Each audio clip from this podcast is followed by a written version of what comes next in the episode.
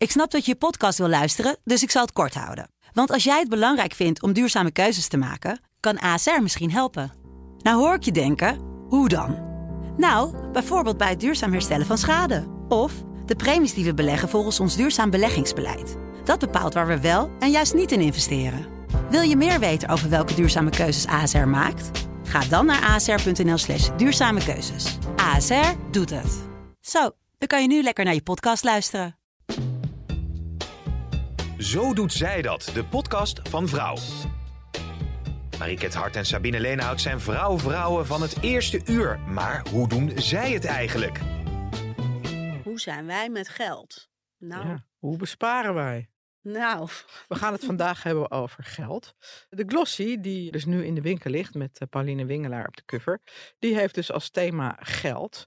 Eh, nou ja, van inderdaad vrouwen die, of juist niet. of juist niet, van vrouwen die eh, met heel veel moeite kunnen rondkomen, of net niet, Mhm. tot vrouwen die, nou, hoe zal ik dat zeggen, voor de rijken werken. Ja, dat is het geval. Die eh, inderdaad eh, in een wereld eh, leven waar mensen veel minder op hun centen hoeven te letten. Ja. Maar het merendeel krijgt wel gewoon een normale mensen salaris. Ja, het is wel bijzonder. Ja. Ja. En we hebben twee nieuwe rubrieken. Ja.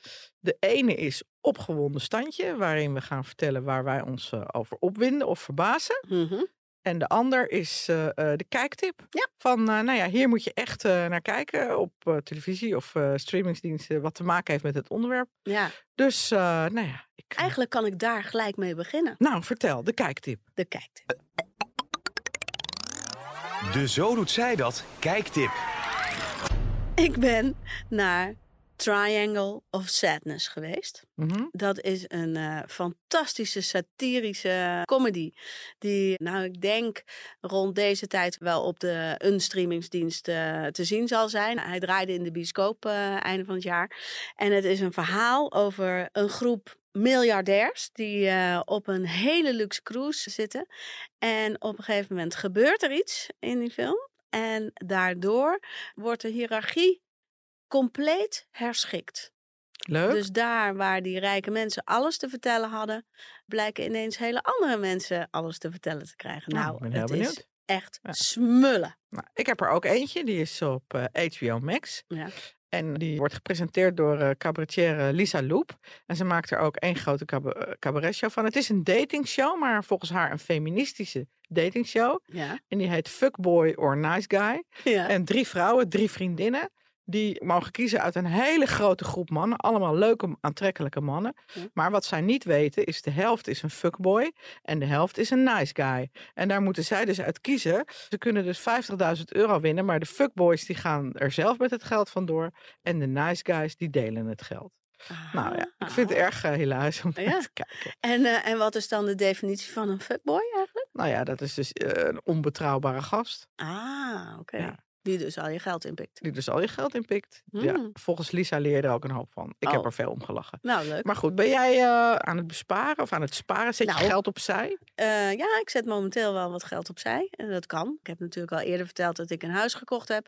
Dat ik mijn huurhuis opgezegd heb. Maar wel de, de hypotheek en alle bijkomende kosten nu al betaal. Ja. Maar doordat ik niet de extra lasten van het huis heb, eh, kan ik wel wat opzij zetten. Dus dat is fijn.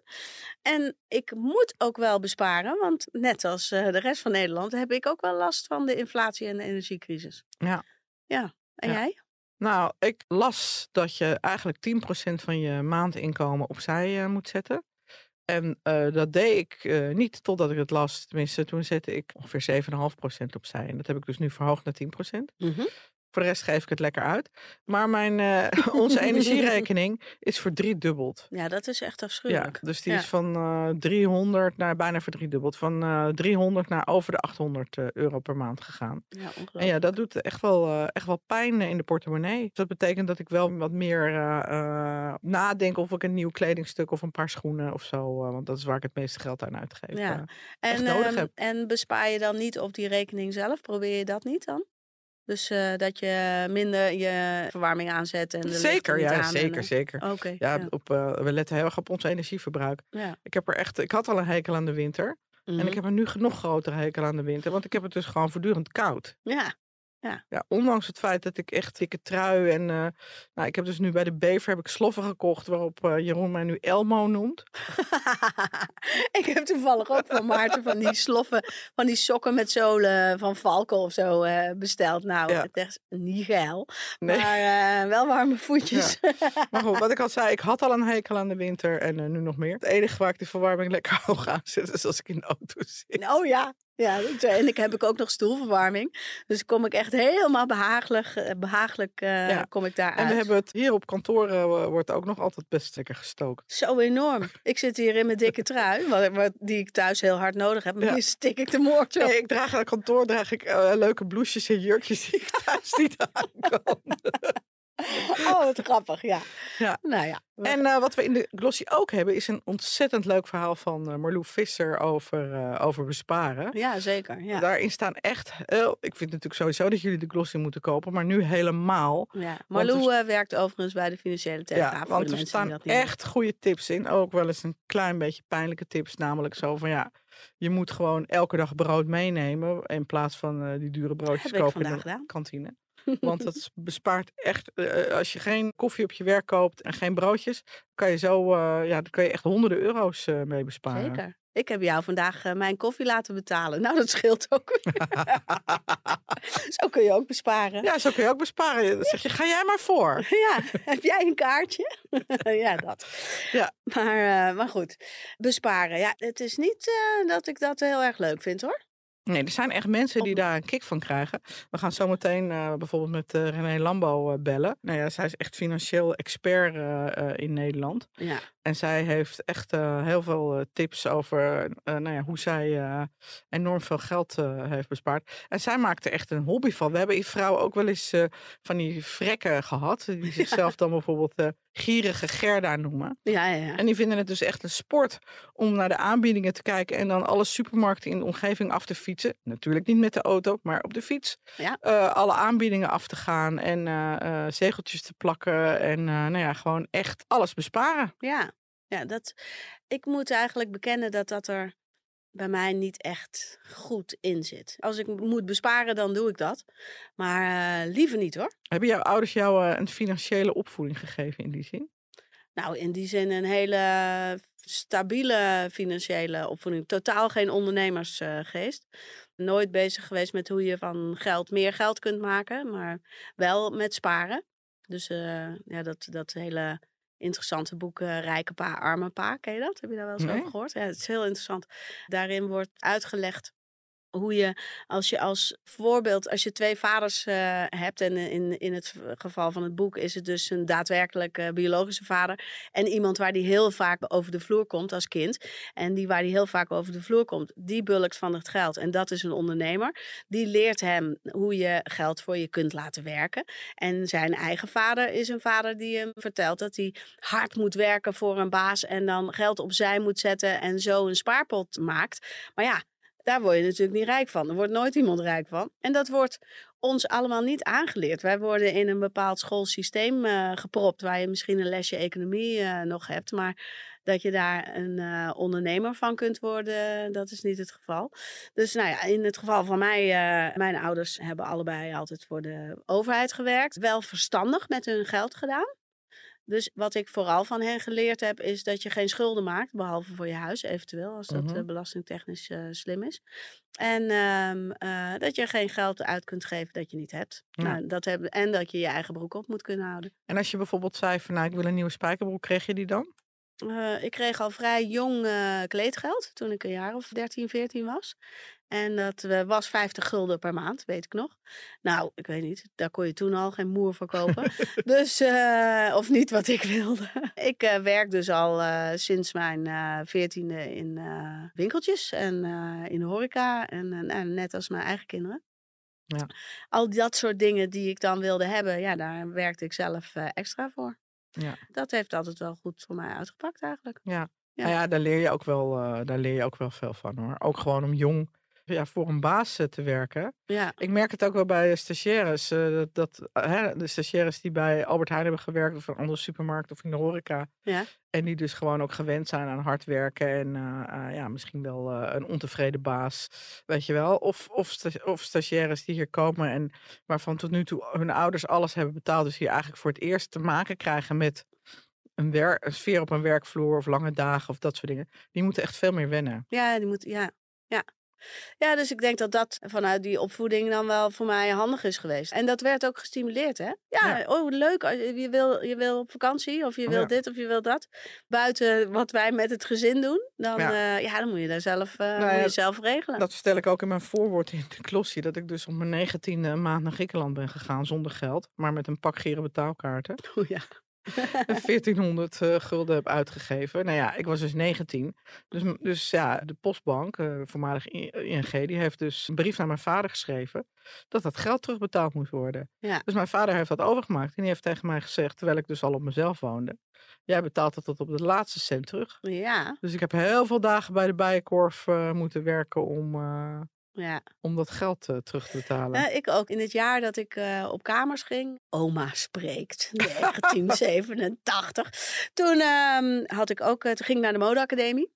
En eh, mijn ouders, eh, zij kochten een huis voor mij. En dan hoefde ik geen huur te betalen. Dus dat was hun bijdrage aan mij.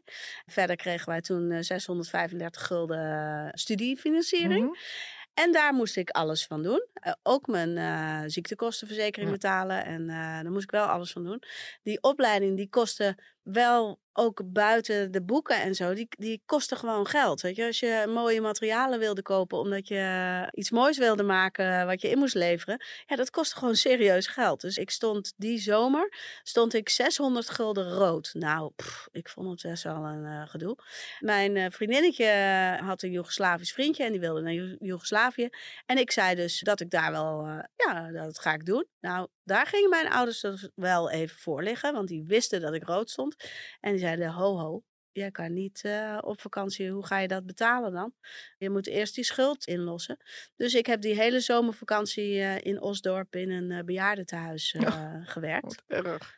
Oh, nou ja, was ook wel weer goed voor me. Ja. Om die kant ook eens te bekijken en te, te weten dat ik dat nooit van zijn leven Ja. wil.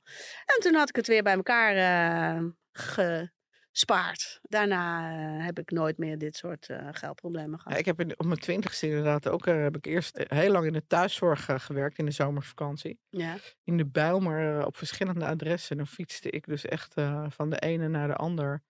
Om daar, ja, het was met name schoonmaken hoor. ja, ja. Bij bejaarden. Ja. Want ik had een vriendinnetje die was au pair in Nice. En eh, ja, die zei, kom je me opzoeken? Dus Hm. toen heb ik eh, heel hard gewerkt om vervolgens eh, precies. haar op te kunnen zoeken. ja. Maar dat, geeft, dat was dus het jaar na Griekenland. Dat geeft wel meer voldoening als je eerst het geld bij elkaar spaart. precies. Dan, eh, en daar had je wel wat van geleerd. Nou, daar had ik wel wat van geleerd. En, En, nu, waar zou je nu nooit op besparen? op reizen. Op reizen.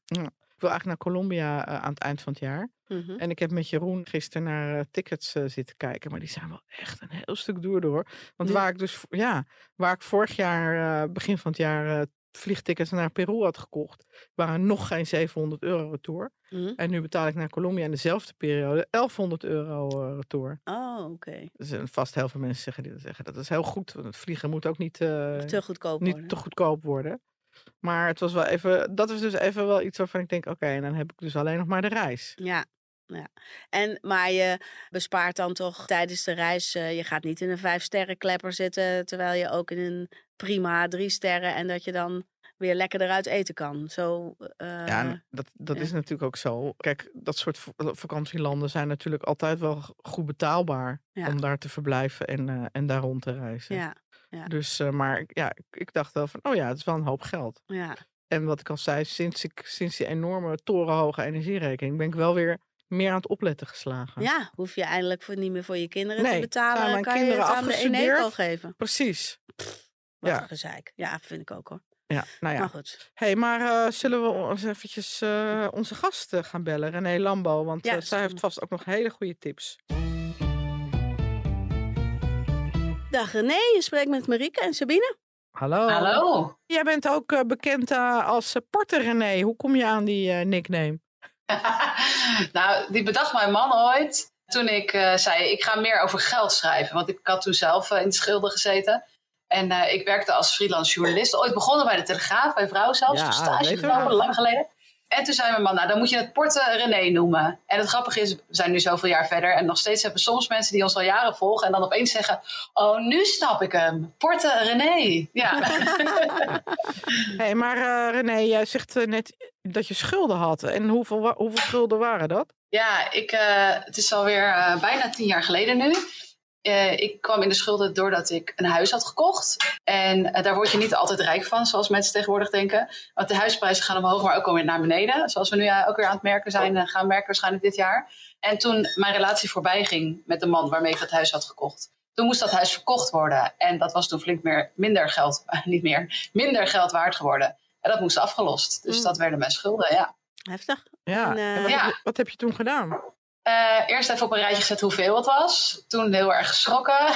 Mm. en toen, uh, nou ja, ik zeg altijd van, en toen ben ik het op een rijtje gaan zetten. Wat kwam er in en wat kwam eruit. En dat heb ik ook allemaal gedaan. Maar wel eerst nog even een periode van, oh wat erg voor mezelf. Weet je wel, een beetje een soort van zelfmedelij waar ik even doorheen moest. En toen dacht ik, ja, oké, okay, nou ja, dit is dus de situatie.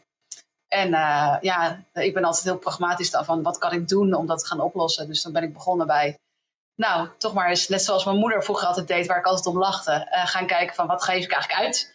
Wat komt er eigenlijk binnen? En waar kan ik op besparen? Nou ja, echt de basis van uh, wat je gaat doen als je schulden af te lossen hebt. Ja. Ja, En, want het, eigenlijk het ouderwetse kasboekje, zeg je nu. Ja, eigenlijk het ouderwetse kasboekje. Ja, ja. Ik, uh, ik weet dat ik toen, ik moet er achteraf altijd een beetje om lachen, omdat het veelzeggend was. Maar ik weet dat ik toen in de bijenkorf rondliep, waarvan je denkt, wat moet je daar als je schulden hebt? Maar oké. Okay. Uh, en toen zag ik daar een boekje liggen en er stond een varkentje, spaarvarkentje op. Ik heb het hier nog ergens liggen, het boekje op kantoor nu. En dat stond op Money Planner. Toen dacht ik, nou, dat moet ik gaan doen, maar money plannen. Dus toen heb ik dat veel te dure boekje gekocht. Maar dat was wel het begin van ja, het op orde krijgen voor mij. Ja, toch een beetje het ouderwetse kasboekje. Ja. ja. En wat waren, wat waren dingen die jij er als eerste uitgooide? Uh, nou, ik, uh, toen ik het op een rijtje ging zitten, er waren natuurlijk wat abonnementen en zo. Die ik gewoon, daar hoefde ik niet lang over na te denken. Die, die heb ik meteen opgezegd.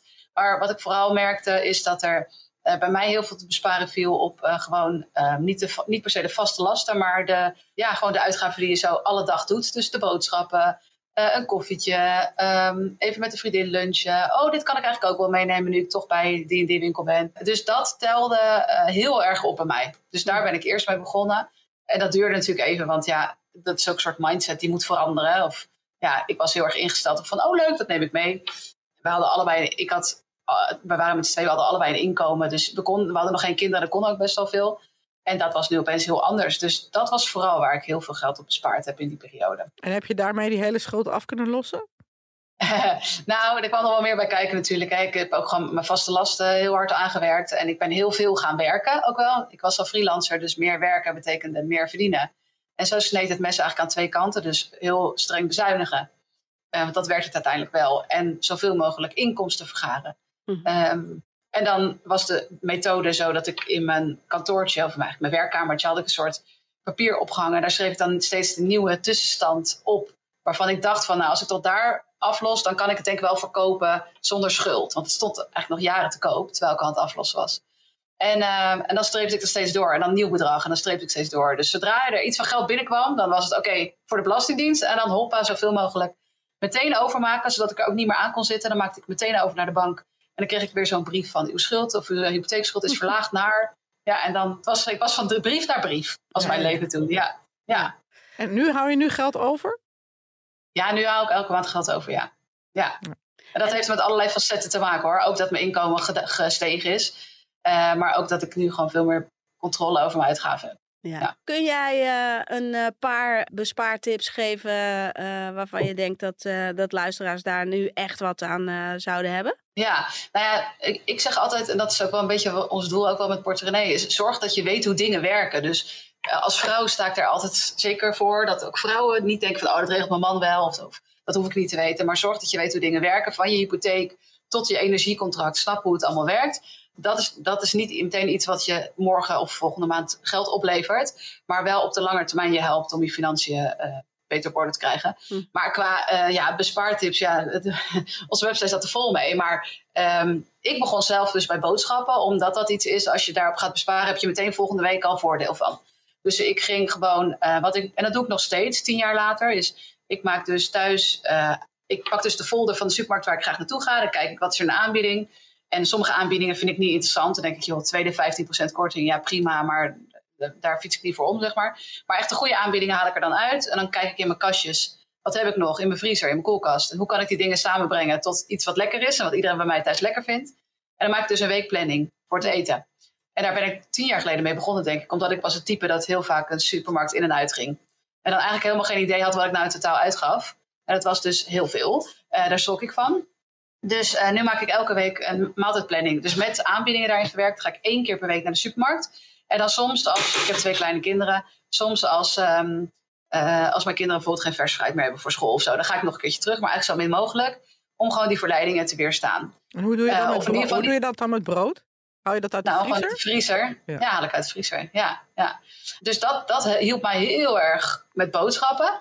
En wat ik dan dus nu, hoe, hoe ik het nu doe, is dus ik zet dan alles in de app van, van de supermarkt. En dan ga ik scannend door de winkel en dan streept het zo allemaal weg.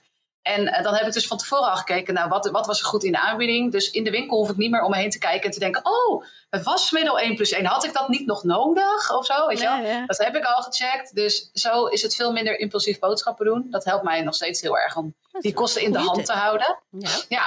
Uh, en energie, ja, er zijn zoveel tips te geven om op je energie te besparen. Maar nu met het prijsplafond, wat natuurlijk nu ingegaan is in januari, uh, zou ik vooral het allerbelangrijkste, los van zorg dat je je verbruik onder controle houdt, maar download nou die app van je energieleverancier.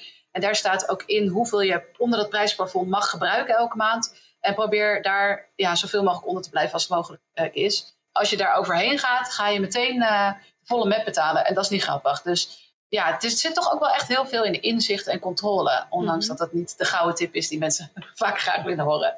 Ja. Nou ja, ik heb altijd het idee dat mensen niet uh, de, de, ook geen zin in hebben, zeg maar. Dus uh, ondanks dat ze in de schulden zitten en ondanks uh, dat het allemaal uh, toch allemaal wat minder moet, dat ze, dat ze denken, ja nee, nou, het, het, het, het, loopt wel los. Ik ga er toch nog even mee door. Dat zie je heel vaak. Ja. Dat mensen toch te verder nog die shit indraaien.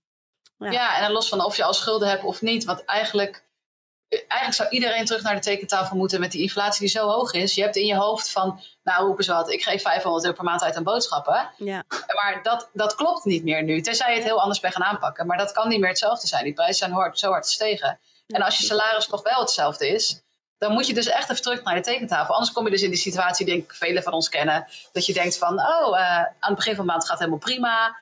En aan het eind van de maand gaat het al wat minder. En dan aan het eind van de maand ben je gewoon spaargeld voor je spaarrekening af aan het boeken. En dat zie je dus nu, hè, dat mensen dat best wel de laatste maanden hebben gedaan, toch weer terugboeken. En op een gegeven moment is dat potje natuurlijk op. Dus je zal op een gegeven moment toch aan tafel moeten gaan zitten en moeten gaan zeggen van oké, dit is wat er binnenkomt. En uh, waar gaat het naartoe en waar zou ik het eigenlijk aan willen uitgeven? Ja, ja. Uh, voor zover je daar natuurlijk. Ik zag dat ik dat, uh, dat dat ook een optie is die ik bij mijn bankrekening aan kan zetten. Ja, ja dus je hebt de meeste banken, de meeste grote banken hebben tegenwoordig wel iets van een huishoudboekjesfunctie. Ja. Oh, ja. Waarin je dus, uh, dan zet je bijvoorbeeld alle kosten die je bij de supermarkt hebt uitgegeven meteen in één potje. Het werkt niet helemaal perfect, maar het geeft wel een algemeen beeld. Nee, want sommige kosten uh, herkent hij niet. Ja, precies. Als jij een keer naar de toko gaat en, hij, en die, die herkent hij misschien minder makkelijk dan een grote supermarkt, dan stopt hij het misschien niet in het juiste potje. Ja. Maar het geeft dan meer beeld dan als je überhaupt niks doet. Dus als je nou overzicht wil zonder dat je alles wil gaan opschrijven, dan is dat ook nog een optie inderdaad. Ja. ja. ja. En vakantie? Vakantie, ja, ik hou ook van vakantie. Zoals iedereen. Um, maar ja, ik ben, weet je wat het is? Um, als je zo'n bedrijf runt zoals wij, dan denken mensen dat je op alles bespaart. En, maar ik zou het anders zeggen, ik, ik ben wel heel bewust van wat ik uitgeef. Dus voorheen ging ik dan op vakantie en dan zag ik achteraf dat ik blut was, zeg maar. Mm -hmm. En wat ik nu bijvoorbeeld met vakantie doe, is nou, los van het boeken, dan bepaal ik vooraf met mijn man van wat gaan we daar uitgeven. Dat zet ik dan op de rekening. En dan kan ik dus precies zien van, oké, okay, vooraf, ik heb zoveel euro begroot voor die vakantie om daar uit te geven. Dan weet ik precies, oké, okay, hoe ver ben ik al, hoeveel ruimte heb ik nog. Uh, en wij hebben ook wel van dat soort afspraken als, um, kijk, als ik op vakantie ga en, uh, en dan zou ik het liefst ontbijt, lunch en diner buiten de deur, helemaal gezellig onder de palmboom en zo. Maar dan kom ik daar niet mee uit. Dus dan zeggen we, nou oké, okay, we doen één keer per dag, doen we dat dan buiten de deur en de rest doen we thuis. En sommige mensen doen dat helemaal niet hoor, maar ik vind dat dan wel heel leuk. Hmm. Dus zo probeer je toch keuzes te maken die binnen je budget passen. Ja. Waardoor je toch eigenlijk kan, ding, kan doen die je heel belangrijk vindt. En het leuke daarvan is eigenlijk dat je dan de dingen die je doet ook meer gaat waarderen. Dus als jij elke dag op de grote markt van jouw stad waar je woont staat en zegt, nou we gaan weer uit eten. Dan denk je na na een maand denk je, ja, nou daar zijn we al geweest en daar zijn we al geweest. Mhm. En maar als je één keer per maand gaat, dan denk je, oh ja, aan het eind van de maand gaan we daar naartoe. En ik kijk naar uit, en daar heb ik zin in. En dan trek ik een mooi jurkje aan, bij wijze van spreken. Ja. Het wordt veel specialer. Hey, en dan heb ik nog Ja. een vraag.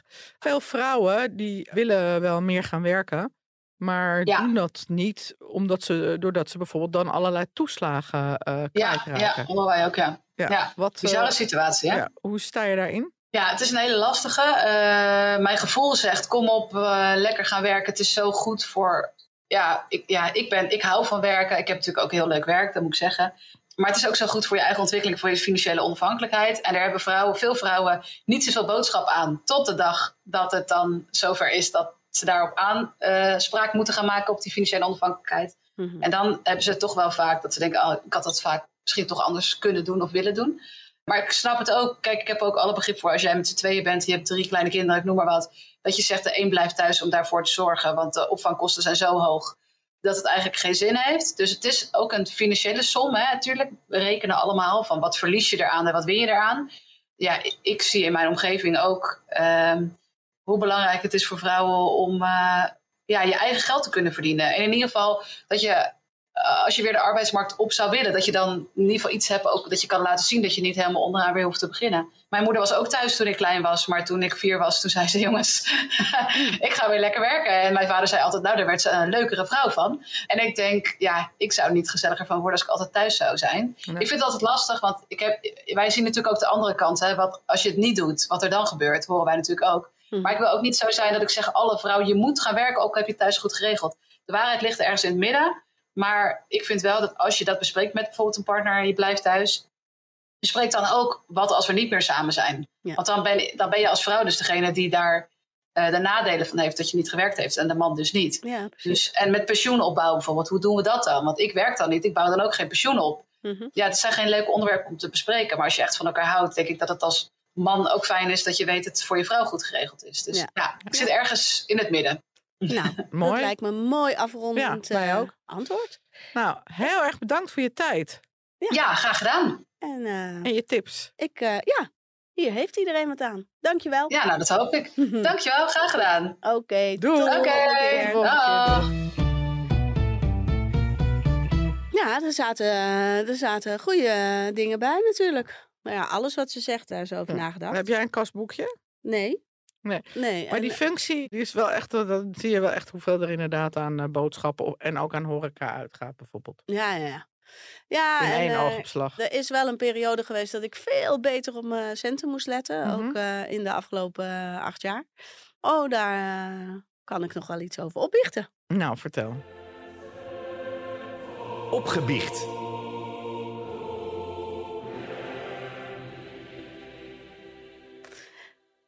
Nou, ik dacht eh, toen ik eh, moeder werd dat er eh, van dat soort puberaal gedrag wat ik af en toe kan vertonen, dat dat minder zou worden. Nou, niks is minder waar.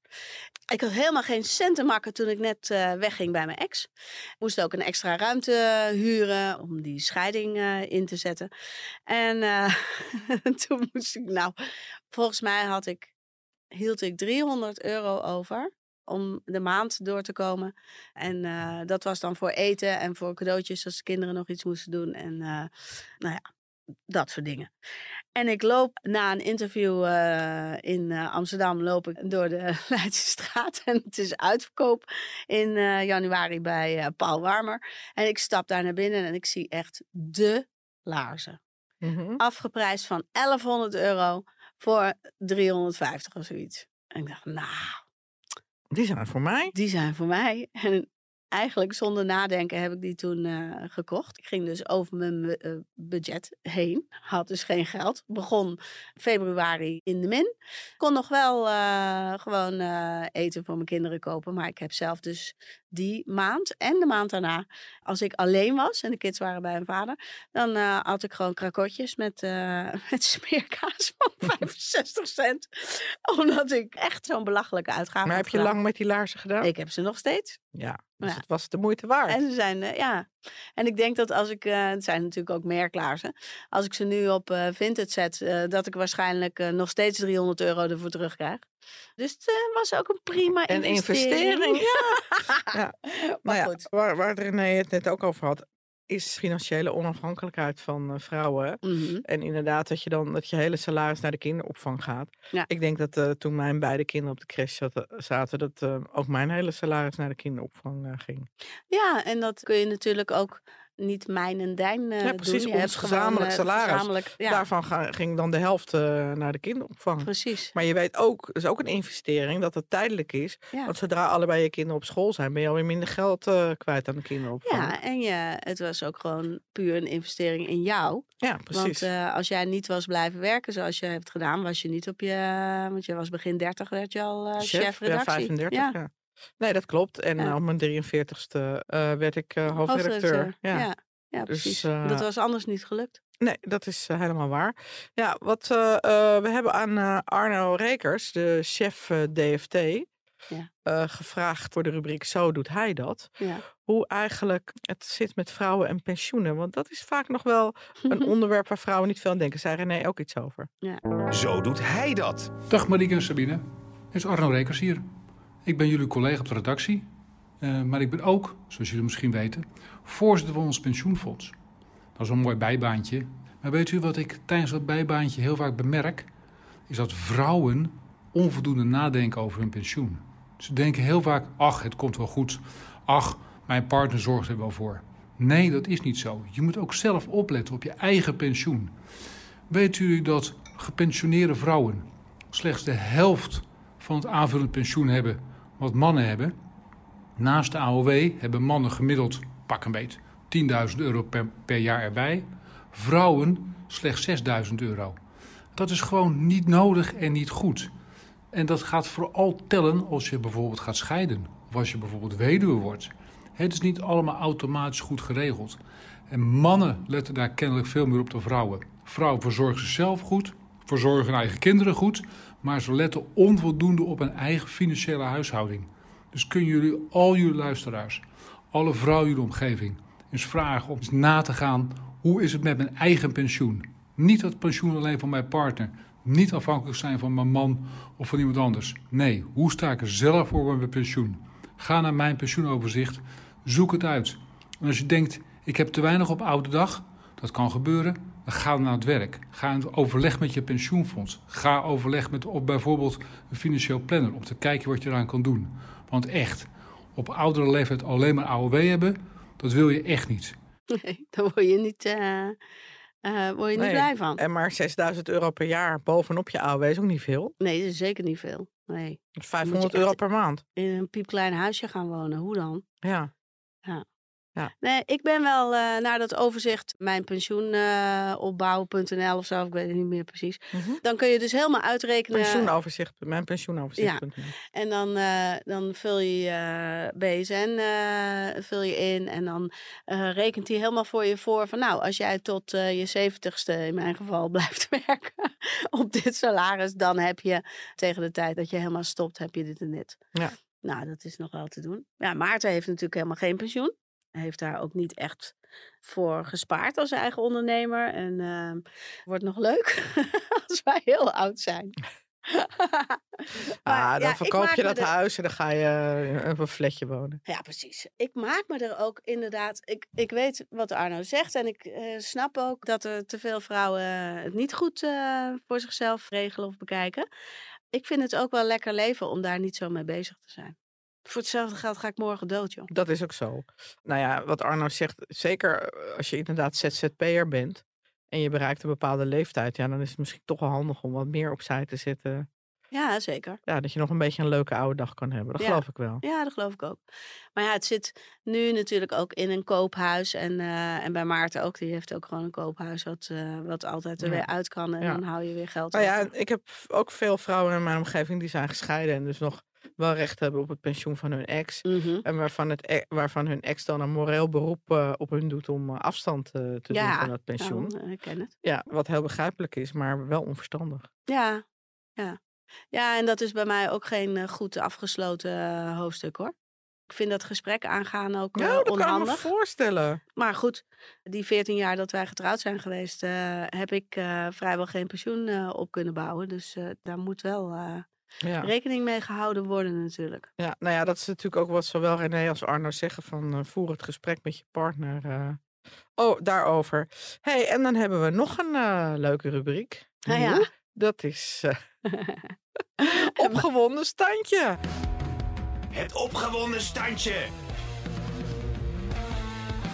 Waar winden wij ons over op wat met geld te maken heeft? En ik kan wel een goed onderwerp noemen, dat is een tikkie. Ja, Ik vind een tikkie eh, het is super makkelijk, weet je wel. Ook als je uit eten gaat en eh, één iemand betaalt de rekening en stuurt een tikkie. Want ik bedoel eh, dat niet meer iedereen met zijn eigen pinpas bij die ober hoeft te zitten. ja. Maar het heeft ook nadelen. Een concurrerend tijdschrift heeft ook een hele leuke rubriek online over een tikkie. Oh Ik ja. had wel een beetje jaloers op met rare verhalen. ja. Maar ik heb ook wel eens gehad dat iemand een tikkie stuurde voor een kopje koffie. Of heel vervelend dat ik de rekening betaalde in het restaurant. Dat je dan eh, met een groep uit eten gaat en dat best wel duur, 70 euro per persoon. En dat je dat van één iemand na twee weken nog niet hebt teruggekregen. En dan heb ik plotseling 70 euro aan iemand uitgeleend. Ja. ja, dat is irritant. En jij, heb jij ervaringen met tikkie? Ja, zeker. Nou, niet eh, eh, super negatief. Ik vind het ook wel vaak handig dat, dat leuren is, is niet fijn. Dat je er zelf achteraan eh, moet vragen. Ik vond dat je hebt zo'n functie volgens mij in Tikkie zelf dat je, dat je de her- herinnering kunt sturen. Ja. Ja, dat is dan nog wel eh, handig. Maar overal een tikkie voor sturen, eh, wat mijn kinderen, waar mijn kinderen een handje van hadden. Dat doen ze nu niet meer. Oh, nou, vooral mijn dochter eigenlijk. Dan had ik gewoon eten in huis en had zij zin in filet américain. En dan ging zij even naar de slager en haalde voor 6 euro filet, waar ik dan een tikkie voor kreeg. Ja, doei! Dat wil je zelf eten hoor. Ja. Dat eh, ga je dan ook maar zelf betalen. Nou ja, maar dat was dan weer pedagogisch oké om uit te leggen dat er... eh, Dat eh, jij één keer per week boodschappen doet. nou, hmm, dat doe ik dus ook niet. Dus nou ja, er valt op het bespaargebied eh nog wel wat te halen. En ik wil ook nog wel zeggen dat ik wil dus liever niet op tijdschriften en dat soort dingen besparen. Op abonnementen. Op- ja, ja. Ja, Ik heb zelf een abonnement op de Glossy, hoe vind je dat? Ja, heel Die staat gewoon nog op mijn naam. Dat is goed voor de cijfers. Ja. Maar verder heb ik geen abonnementen op andere, op eh, concurrerende of collega-tijdschriften. En koop ik gewoon uit het schap, maar ik koop ze wel. Ja, ik heb op twee is eh, ook tijdschriften ook een abonnement. Nee, maar ik bedoel, kijk, het is hetzelfde als een lekker broodje op je werk of een, eh, een fijne mascara of eh, naar de kapper. Ja. Ik denk eh, op tijdschriften moet je juist helemaal niet besparen. Dat is lekker een momentje voor jezelf. ja, dat denk ik ook.